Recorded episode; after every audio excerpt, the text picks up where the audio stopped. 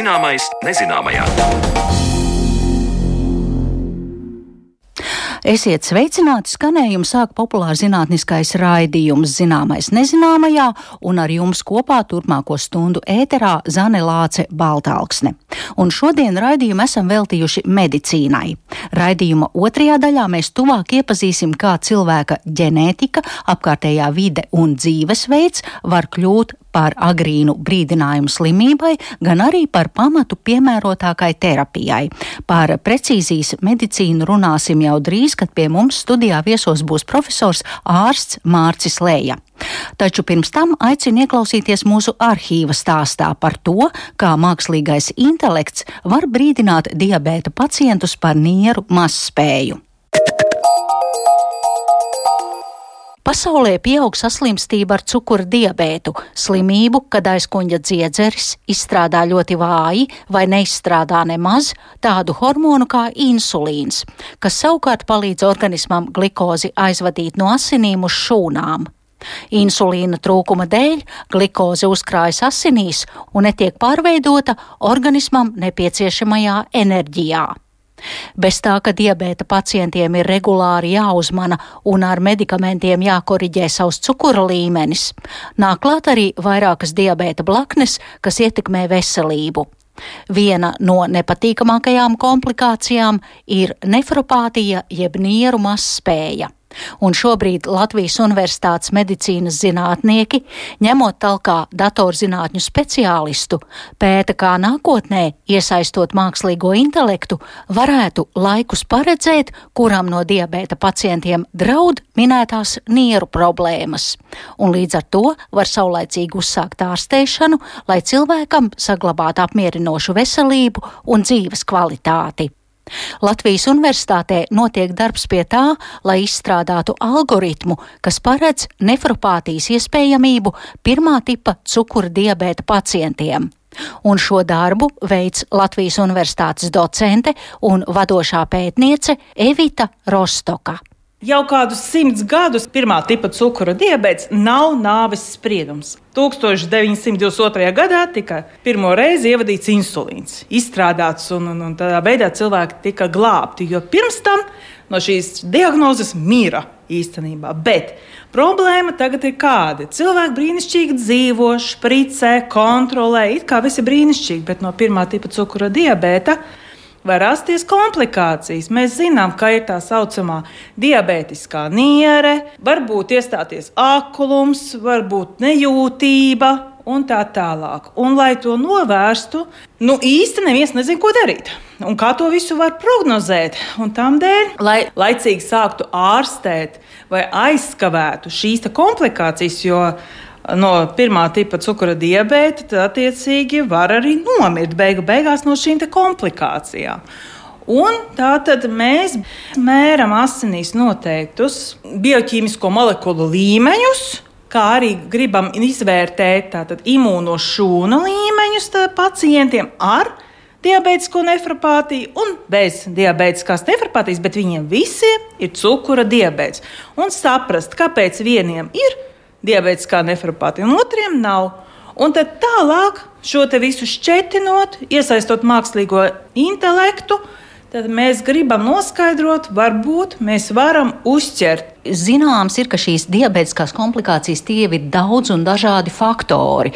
Ik viens mediķis pateiks, jā, tas tur ir gēni vai veselīgs dzīvesveids, un, un tur jau ir jāskatās, vai ir vai nav liekais svars, vai cilvēks smēķē vai nesmēķē, cik apzinīgi ievēro diētu un tam līdzīgi. Jā, protams, protams, mēs ievācam anamnēzi dzīves anamnēzi, slimības anamnēzi, ģimenes anamnēzi.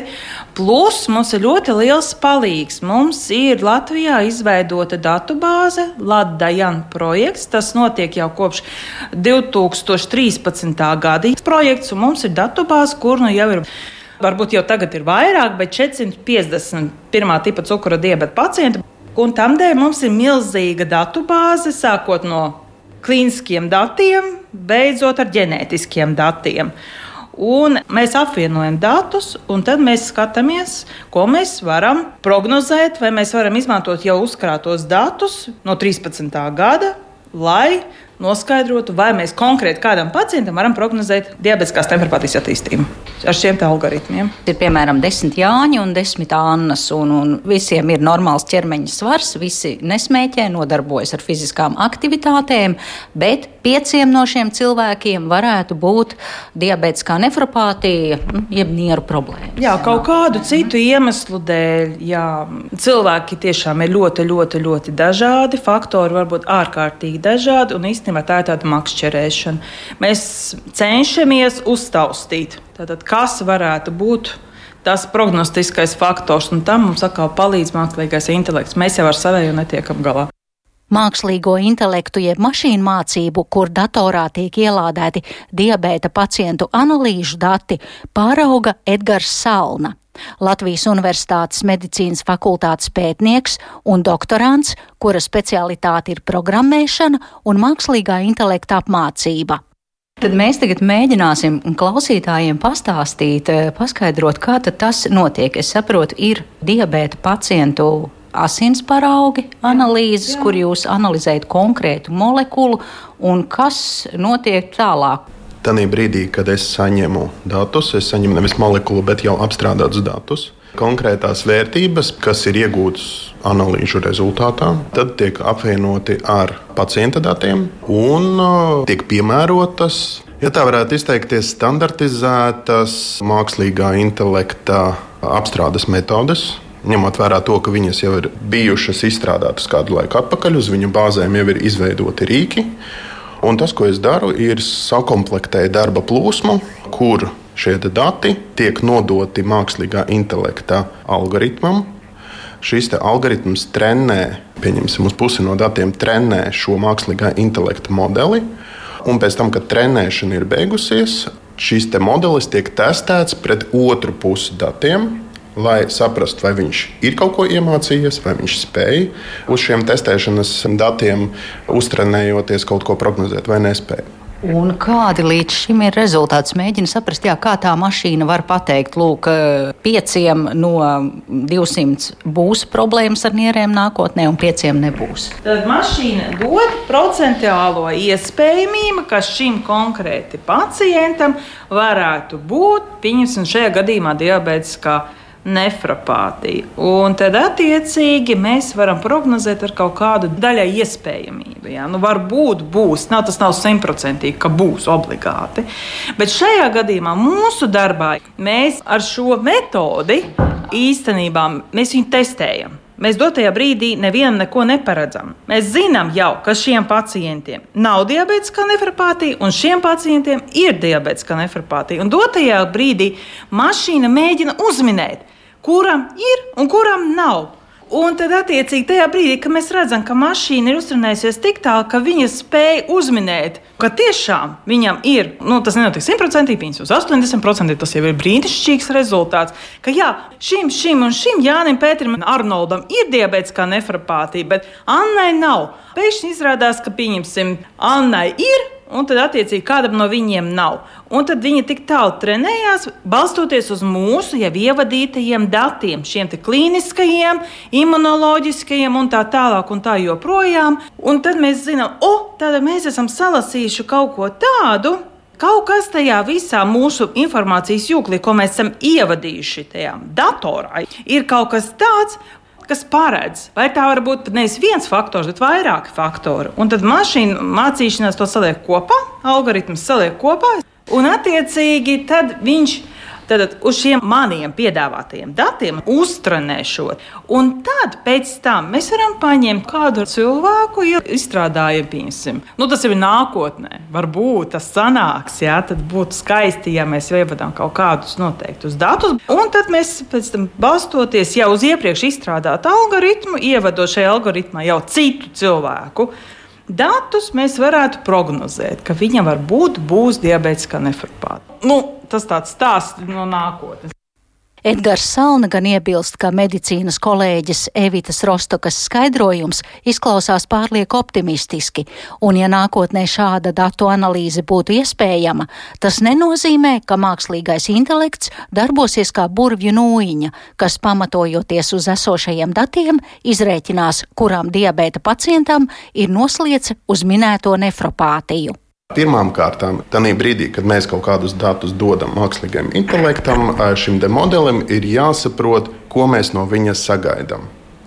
Otrām kārtām, tie dati, jā, mēs varam viņam iedot lielu datu apjomu, gan lielu lauciņu skaitu, gan arī daudz pacientus. Mēs varam vienā no šiem soļiem mēs varam identificēt, kuriem no parametriem, kuriem no šiem lauciņiem ir lielāka vai mazāka ietekme uz prognozējamo vērtību. Teiksim, kurš no tiem rādītājiem vairāk ietekmē tās nefropātijas attīstību, kurš mazāk. Tos, kas ietekmē mazāk, mēs atmetam nost kā lieko troksni. Jo šis liekais troksnis, iedodot šim mākslīgajam intelekta metodam, viņš samazina šo prognozēšanas spēju. Atstājot tikai tos lauciņus, kuri tiešām mēs esam identificējuši, ka viņiem ir liela prognozēšanas spēja uz mūsu sagaidāmo rezultātu. Tos mēs iebarojam šim algoritmam, uztrenējam un pēc tam pārbaudām, vai viņš spēj vai nespēj. Tad, kad šis modelis ir uztrenēts, tad mēs varam šos identificētos rādītājus iedot šim modelim, jau uztrenētājiem, un viņš mums prognozēs ar noteiktu varbūtību vai pārliecību, ja tā var izteikties, vai cilvēkam būs tā komplikācija vai nebūs tā komplikācija. Bet klausītājs tagad to dzird, viņš saka, nu jā, tas viss ir tik komplicēti un tik sarežģīti, bet nu, jā, kāds ir tas sausais atlikums, ja tā tomēr nebūs tā brīnuma noiņa? Gribētos jau cerēt, ka pēc laika būs. Mēs runājam par procesu. Varbūt pēc gadiem desmit, es saprotu, diabēta pacients nodos analīzes un uh, endokrinologs, viņa ārsts pateiks uzreiz, tev varētu būt problēmas ar nierēm, jāievēro tas, tas, tas. Vai es pareizi sapratu? Nu, tas būtu ideālais variants, protams. Jā, ja, ja endokrinologam pieņemsim, būtu visiem ir datori, tad ja tur būtu programma, ja var uzstādīt algoritmu. Viņš ievada kaut kādus noteiktus datus, pēc kuriem varētu prognozēt diabetiskās nefropātijas attīstību. Tas ir nākotnē, protams. Un tad, attiecīgi, viņš varētu pateikt tā zini, ko tagad dari tā, tā un tā, jo vispār tev draud tas un tas un tas. Jā? Un, ja tu to nedarīsi, tad jā, tas notiks ātrāk nekā vēlāk. Nu, tas būtu ideālā gadījumā, protams, bet nu, mēs pie tā strādājam. Bet kāpēc tieši par nieru problēmām? Kāpēc izvēlējāties tieši nefropātiju? Nefropātija, nu, teiksim, tā, tā ir viena no biežākajām komplikācijām, tā ir viena no smagākajām komplikācijām, principā, kas noved līdz nāvei ja pacients neiet uz dialīzēm, ja nu, nu, nu jau tiešām ir smagas stadijas, vai arī nu, nu, ir pacienti, kuriem ir jāpārstāda nieres, tad tā ir viena no vissmagākajām pirmā tipa cukura diabēta komplikācijām. Šobrīd par nieru problēmām signalizē olbaltumvielas mikroalbumīna klātbūtne urīnā. Bet, kā teica Evita Rostoka, tas norāda, ka nieru bojājuma process jau ir sācies. Tāpēc tagad viņa kopā ar Edgars Salnu strādā pie tā, lai nākotnē mediķi, piepalīdzot datora ģenerētiem datiem, varētu agrīni prognozēt šo nefropātiju un to novērst vai vismaz attālināt tās attīstību.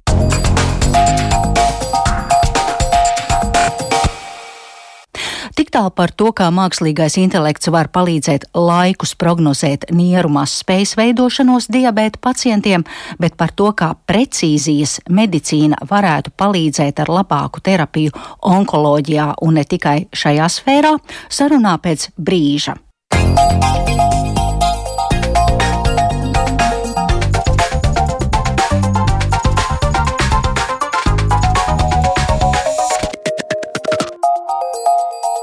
Zināmais nezināmajā.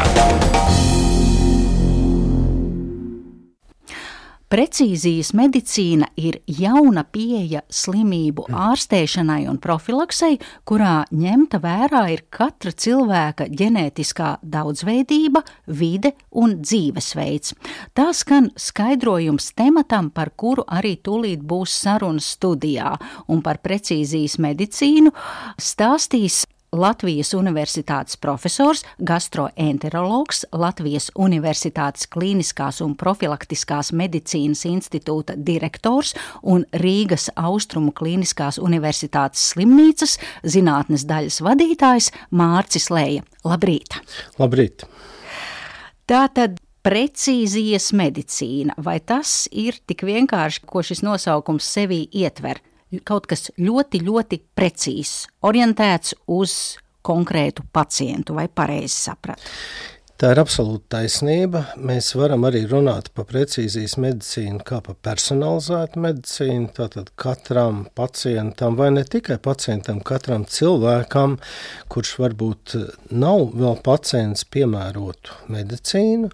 Un faktiski šī mērķa sasniegšanai ir vajadzīgi ļoti daudz, kas tas nav ļoti vienkārši tikai paņemsim ģenētiku un vēl dažus citus varbūt aptaujas jautājumus un, un iegūsim saņemsim atbildi uz, uz, uz eh, jau nu, teiksim, labāko risinājumu, bet tas ietver gan lielu datu bagāžu, gan iepriekš uzkrāto informāciju. Tā kā, lai arī nosaukums ir visnotaļ varbūt vienkārši precīzijas medicīna, tas ietver ļoti, ļoti plaši daudz ko. Rīgā notiek konference veltīta tieši precīzijas medicīnai, un šī nebūtu nav pirmā. Pirmā konference, ja es pareizi atradu informācijas materiālos, bija 2019. gadā. Bet vēl kāpjoties atpakaļ nedaudz par vēsturi. Vai pareizi esmu arī atradusi, ka tās saknes ir meklējamas 2015.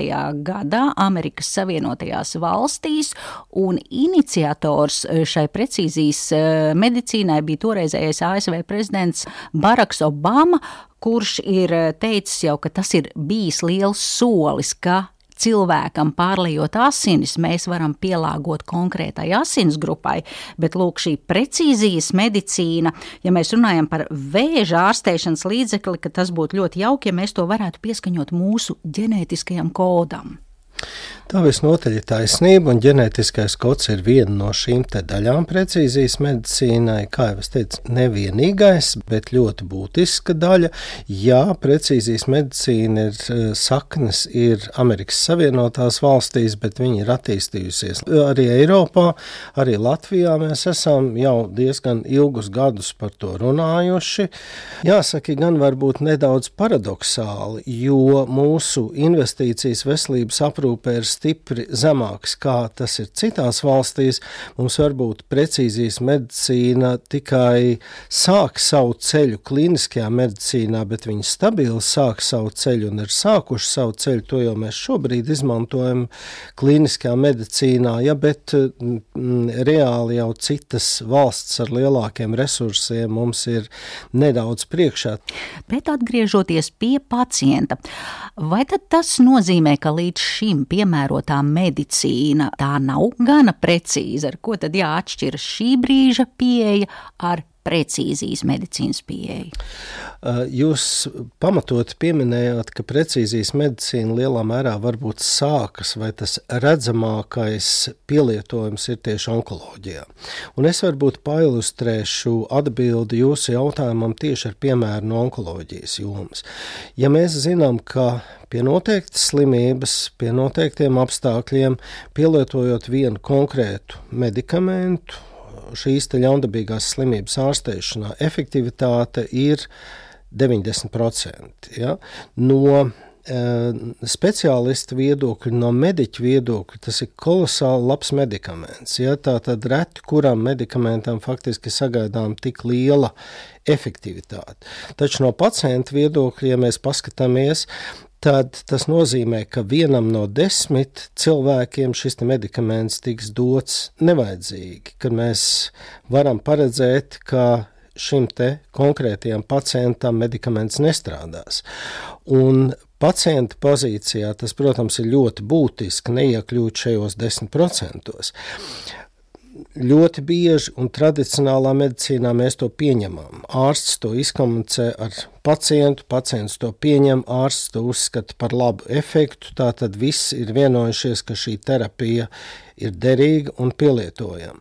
Taču, ja gadījumā mēs pirms šīs terapijas uzsākšanas varam paredzēt, kuriem 10% šī te terapija nestrādās un kuriem jāmeklē citas terapijas iespējas, tad iegūst visi. Vispirms jau iegūst pacients, iegūst ārsts, iegūst tas, kas par šo terapiju maksā, jo, protams, ka terapijas mērķi terapijas ir daudz dārgākas un modernās terapijas ļoti bieži ir daudz dārgākas, tātad arī tas ir viens no faktoriem, kas varbūt virza tieši šo te precīzi precīzijas medicīna. Bet eh, Tas nav tik šauri kā tikai onkoloģija. Tātad šāda pieeja varētu būt daudzās citās jomās, eh, arī pat diagnostikā, arī pat, piemēram, vēža skrīninga jautājumos. Šobrīd absolūti mēs visiem piedāvājam standarta pieeju, vienādu pieeju. Ja mēs nākotnē, un mēs esam ļoti pārliecināti, ka nākotnē tāda iespēja būs, piedāvāt izmeklēšanu, tātad arī skrīningu, saulaicīgu slimības atklāšanu atšķirīgi cilvēkam ņemot vērā pieminēto varbūt ģenētiku, bet varbūt kādreiz pat ģenētikai var nebūt nozīmes. Varbūt nozīme, piemēram, iepriekšējo testu rezultātiem, cik veselīgi vai neveselīgi cilvēks dzīvo šiem dzīves ieradumiem, un izējot no tā, tad individualizēt šo pieeju. Tātad, eh, kā jūs teicāt, saprotu, ģenētika, dzīvesveids un vide ir tie trīs faktori. Vai jūs varat uzmodelēt, kā tas izskatīsies? Piemēram, pacients X atnāk pie ārsta, un ārsts viņš atver kādu datubāzi, un tur par to pacientu ir kāda ir viņa ģenētiskā informācija, tad vēl iztaujā, kāds ir viņa dzīvesveids un, un apkārtējā vide. Mēs jau to izmantojam šobrīd. Ja, ja mēs zinām, ka piemēram ģimenē ir bijis viena vai otra ļaundabīga saslimšana, tuvākam radiniekam, pat nezinot precīzu ģenētiku, mēs modificējam šos izmeklēšanas standartus. Jūsu minētā sarakstā arī, piemēram, kas no diagnostikas viedokļa ir būtiski arī iepriekšējo izmeklējumu rezultāti. Ja? Tātad, piemēram, ja cilvēkam ir bijuši iepriekšēji elementāri izmeklējumi, runāsim par asins analīzēm vai par tiem skrīningu izmeklējumiem, kādi viņi ir bijuši bijušas. Ja? Tātad arī tur tiek diferencēta tālāk pieeja, tad pēc analīžu rezultātiem, pēc laboratorijas testa vērtības, tālāk mēs vadāmies, kas tad ar šo cilvēku jādara. Un tas ir individuālā veidā. Tas nav vienkārši visus aicināt pēc kārtas vienādos laika intervālos, noteiktā vecuma grupā, bet tā jau ir šī individualizētā pieeja. Jāatzīmē, te ir vēl viena ļoti būtiska mm, lieta šajā kontekstā kontekstā, tā ir um, šī personas datu informācija, ja, tātad personīgo datu um, informācijas krājums pret šī brīža likumdošanu par personas datu aizsardzību.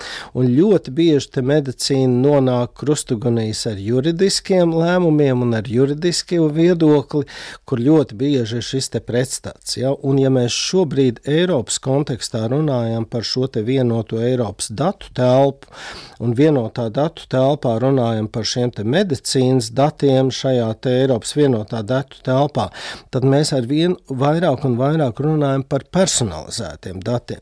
Mēs nevaram noteiktā termiņā uz noteiktu izmeklēšanu uzaicināt cilvēku X, ja mēs nezinām, kurš ir šis cilvēks X, ja mēs nezinām, ka tas ir Jānis Bērziņš, ja mūsu datu uh, bāzēs ir ierakstīts, ka tas ir cilvēks X. To X mēs nevaram nekādā veidā uzaicināt. Mums vajag zināt to Jānu Bērziņu ar viņu telefonu un viņa adresi. Un, un par to tiek ļoti aktīvi diskutēts šobrīd uh, arī Eiropas līmenī. Ir sagaidāms arī likumdošanas izmaiņas, bet šī lielā datu telpa tik tiešām ir viens ļoti būtisks moments, ļoti būtisks solis virzībā uz personalizētu datu uh, krātuvi. Bet tad atgriežamies jā, pie precīzijas medicīnas, eh, pie dzīvesveida. Te laikam mm, nebūs īpaši daudz jautājumu, jo mēs bieži vien paši veicinām dažādu slimību rašanos ar eh, teikt nepareizu dzīvesveidu, maskustība, stress, smēķēšana, nepareizs uzturs. Kā tas izpaužas aiziest pacients pie ārsta? Nu, un ārsteiks jums ir veselīgāk jādzīvo. Tas jau arī ir līdz šim Protams, ka tas ir arī līdz šim, un tas nav kaut kas pilnīgi jauns. Tātad daudz kas no tā, kas ir bijis līdz šim, arī ir ietverts tur. Par to nav ne mazāko jautājumu, bet nenoliedzam arī dzīvesveids ir viens no faktoriem, kas precīzijas medicīnā tiek ņemts vērā. Ja? Tāpat, kā es pieminēju, arī analīžu rezultāti, kur ļoti bieži viens atspoguļo otru. Ja? Tātad analīžu rezultātos atspoguļojas varbūt netik pareizais dzīvesveids. Ja? Tātad šie faktori pilnīgi noteikti tiktu, tiktu ņemtu vērā šajā gadījumā. Vai mēs aiziesim tik ātri līdz situācijai, kad mums būs visi šie dati? Jāsaka, ka Latvijā mums ir krietni vien daudz iespējas vēl attīstīties un, un attīstīt datu sistēmas, lai mums būtu standartizēti dati. Diemžēl mums te ļoti daudz kā pagaidām iztrūkst šajā jomā. Bet vēl tagad atgriežoties pie pašas šīs medicīnas, lai nu, cilvēks e, saprastu, kā tā darbojas, vai pareizāk sakot, darbosies, tiek minēta arī vide apkārtējā. Kā šo var analizēt, jo tas ir sarežģīti, jo vide ir mainīga un tas ir ļoti plašs jēdziens, un kā tad mēs varam ietekmēt vai tur gaisa kvalitāti, un, un kā tad ārsti var ņemt vērā, piemēram, mūsu darba apstākļus, piesārņojumu, troksni, un kā to var izskaidrot? Jā, šajā gadījumā ar vidi mēs saprotam tomēr plašākus jēdzienus, un nevienmēr mums obligāti precīzijas medicīnas mērķiem ir nepieciešams mērīt gaisa kvalitāti vai dzeramā ūdens kvalitāti, kam dažkārt arī var būt loma. Bet Bet, ja mēs runājam, piemēram, nu, es ņemot vērā, ka mana specialitāte ir gastroenteroloģija, es to varu ilustrēt atkal ar piemēru no, no savas jomas, ja mēs runājam par to pašu kuņģvēzi. Ja? Eh, tajā gadījumā ar vidas faktoriem bieži mēs saprotam, piemēram, baktēriju klātbūtni, ja? un konkrēti faktiski kuņģvēzis pārsvarā ir saistīts ar baktēriju, kas iemājo kuņģī, savukārt eh, viņi lielā mērā jau cilvēku cilvēks iegūst no apkārtējās vidas, ar to saprotot arī, piemēram, ģimeni un nodošanu no cilvēka cilvēkam. Ja? Tātad tas tiek uzskatīts arī pa apkārtējās tomēr par vidas faktoru, bet tikpat labi pie vidas faktoriem tādā plašākā jomā var ieskaitīt arī tos diētas faktorus un, un, un veselīgu vai neveselīgu uzturu un, un arī to apkārtējo, kas notiek. Tā kā ar vidas faktoriem šajā gadījumā mēs saprast vairāk nekā, nekā tikai varbūt darba vietas un, un, un apkārtējās vidas lomu. Nu, ja tagad uh, mediķis visu šo informāciju apkopo par konkrētu pacientu, viņa um, ģenētiskā informācija, dzīvesveids un vide, ko viņš ar šo informāciju, ko mediķis var iesākt un kā var pielāgot terapiju vai prognozēt saslimšanu? Prognozēt saslimšanu, nu, atkal mēs varam paņemt kaut vai, kaut vai to piemēru no, no, no kuģa vēža profilaks. Ja? Šajā gadījumā mēs nerunājam par pārmantotiem kuģa vēžiem, kas ir absolūti ļoti reti, šobrīd Latvijā iespējams, ka būs pirmie saslimšanas gadījumi, kas būs pierādīti tieši ar ģenētisko analizēšanu, bet līdz šim nevienam cilvēkam nav pierādīts pārmantots kuģa vēzis Latvijā. Ja? Bet eh, šī predispozīcija ekspozīcija, ja augstāks risks ģimenē ir, un, un tas nav vienas mutācijas vai dažu mutāciju loma, tas jau mutācija kopums. Ja? Tātad tas parāda tikai risku, bet Tāpat ir risks, piemēram, šai pieminētai infekcijai, ko es jau minēju, helikobaktērijai, kam ir vislielākā loma, un tāpat ir loma uzturam, piemēram, sāls un marinētu produktu patēriņam uzturā. Ja? Tātad šie ir tie faktori, kas, kas par to liecina. Mums pagaidām nav tāda riska kalkulātora, bet šobrīd noris Eiropas projekts, kurā, starp citu, Latvijas universitāte arī ir iesaistīta, tāds AIDA projekts.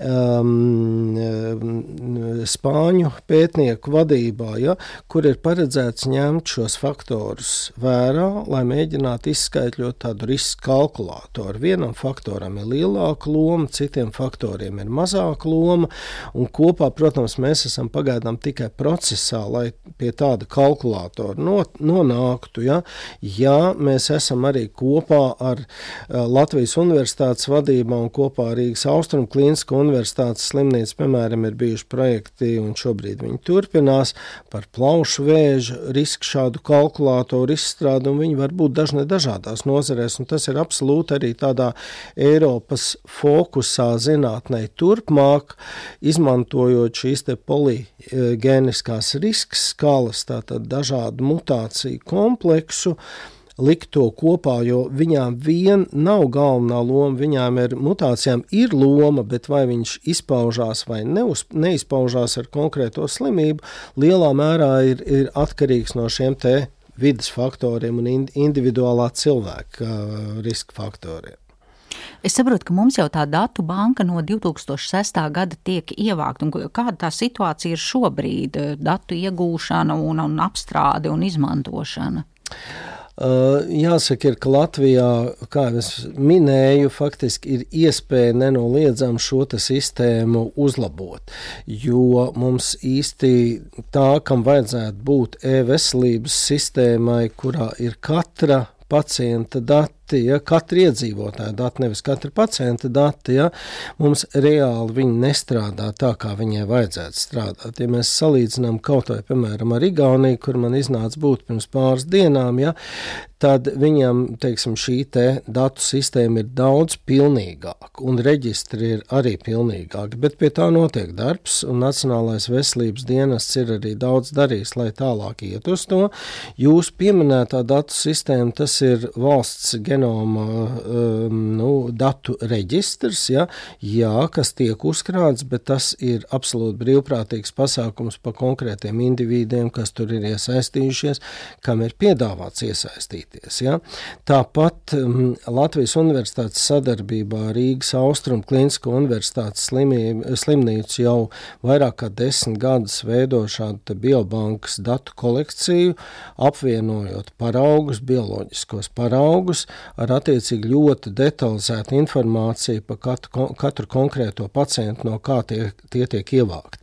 Viss šis materiāls ir domāts ar tādu mērķi, lai to var tālāk izmantot šajos precīzijas medicīnas nu, centienos, tālākos pētījumos, ja, un arī, lai palīdzētu konkrēti pacientiem, jo, piemēram, ir situācijas, kad pēc šiem datiem, kas ir analizēti ar pilnīgi citu mērķi, ja, izdodas atklāt individus, kuriem ir paaugstināts risks saslimšanai ar konkrētu slimību, un tad ir iespējams uh, aicināt šos individus uz konsultācijām, veikt papildus izmeklējumus, sniegt rekomendācijas. Tāda praksa ir.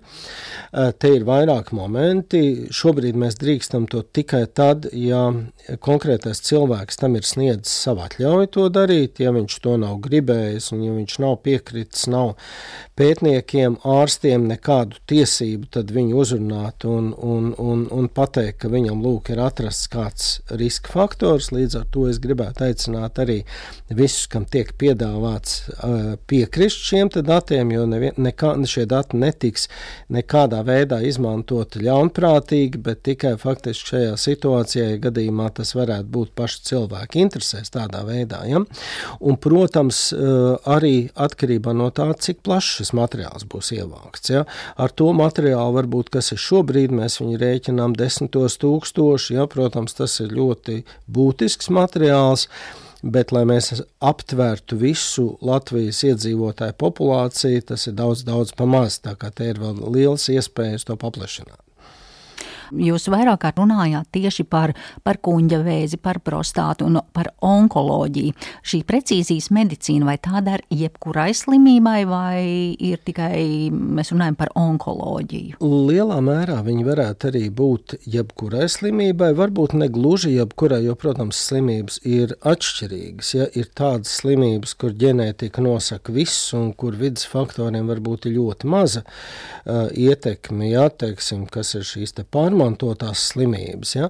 bet eh, ļoti daudzām slimībām jā, tas der. Piemēram, ja mēs runājam par metabolām slimībām, par uh, cukurdiabētu, piemēram, ja? tāpat par paaugstinātu asinsspiedienu, par holesterīnu paaugstināšanos. Uh, tātad konferencē arī ir paredzēts runāt par ģimenes hiperholesterinēmiju, ja? tātad to, ka jau ģenētika ir ieprogrammējusi situāciju, ka būs paaugstināts risks risks sirds un asinsvadu saslimšanām. Ja? Tātad tas neaprobežojas tikai nenoliedzam ar onkoloģiju, bet kāpēc mēs runājam par onkoloģiju? Tāpēc, ka visstraujākā attīstība notiek tieši terapijas izvēlei onkoloģija. Ja, tātad, ja jau ir šī onkoloģiskā saslimšana, kā izvēlēties šo te mērķa terapiju? Un šīs terapijas šobrīd parādās vairāk un vairāk. Ja pirms dažiem gadiem mums bija dažas, un vēl pirms desmit gadiem varbūt gandrīz vispār nebija šādas terapijas, nu, de, pirms desmit gadiem gan jau bija, ja, pirmās, tad šobrīd tādas parādās ļoti daudz, un faktiski ārsts vien vien uh, savā prātā gluži vairs nav spējīgs izdomāt par to, uh, vadoties pēc kuriem konkrētiem ģenētiskiem marķieriem būtu piemērojams kurš medikaments, un medikaments var būt ne tikai tas, kas ir apstiprināts lietošanai, bet varbūt pat tas, kas ir pētījumos. Un šobrīd mēs tādā veidā nonākam arī jautājum, pie jautājuma par klīniskiem pētījumiem. Un, piemēram, Eiropas komisija ir uzstādījusi pieņēmusi arī noteikums, ka faktiski visiem Eiropas um, iedzīvotājiem būtu jābūt vienotai un vienādai pieejai gan pie ārstēšanas, gan arī pie iesaistas klīniskos pētījumos, kas šobrīd absolūti reāli nenotiek, nenotiek ne tikai Latvijā, nenotiek arī citās valstīs. Bet, piemēram, ja attiecīgi te attiecīgās jomas eksperti un nenoliedzami arī uh, informācijas datu platformas parāda, ka, piemēram, piemēram, mūsu konkrētajam Jānim Bērziņam ar konkrēto diagnozi ir pieeja, um, ir iespēja iesaistīties kādā pētījumā, kas, piemēram, notiek Vācijā, tad būtu pilnīgi normāli, ka valsts nodrošinātu viņam iespēju nokļūt Vācijā, lai viņš varētu iesaistīties šajā pētījumā. Kāpēc pētījumā? Tāpēc, ka varbūt, ja tirgu nav šāds medikaments, kas konkrētā situācijā un pie konkrētās mm, nu, šīs ainas būtu efektīvs, iespējams, ka pētījumā esošais jaunais medikaments var palīdzēt šim cilvēkam. Protams, tā ir tikai iespēja, bet tā ir dota iespēja konkrētam pacientam uh, saņemt efektīvu ārstēšanu, ja viņi nav pieejami citādā veidā. Tad noslēdzot mūsu sarunu, ja es uzburu tādu tuvāks vai tālāks nākotnes ainu, eh, tad cilvēks aiziet pie ārsta, ārsts atver datu bāzi par konkrēto pacientu un, un, un skatās, ā, jums tur eh, vecākiem lūk parādās, ka ir bijušas vai tādas vai tādas vai onkoloģiskas vai endokrīnas saslimšanas, tā tad jums varētu būt noslieci vai mm, uz, uz kuņģa vēzi vai uz uh, diabētu, un, un, un es redzu arī, jā, ka jūs dzīvojat vai tur un tur un tādā un tādā vidē, un, un dzīvesveids jums ir tāds un tāds un tāds, jūsu ārstēšanai, ja, piemēram, jum, vai ja jums jau ir tur diabēts, mēs piemērosim tur nevis uh, kaut kādu vidējo noteikto medikamentu, bet pamēģināsim speciāli jums tur tādas un tādas zāļu devas. Vai esmu pareizi sapratusi? Jā, absolūti tā, pilnīgi taisnība. Tā arī tas varētu notikt, bet es gan gribētu uzsvērt, ka bez ārsta interpretācijas un viedokļa jau nekas nenotiks. Ja?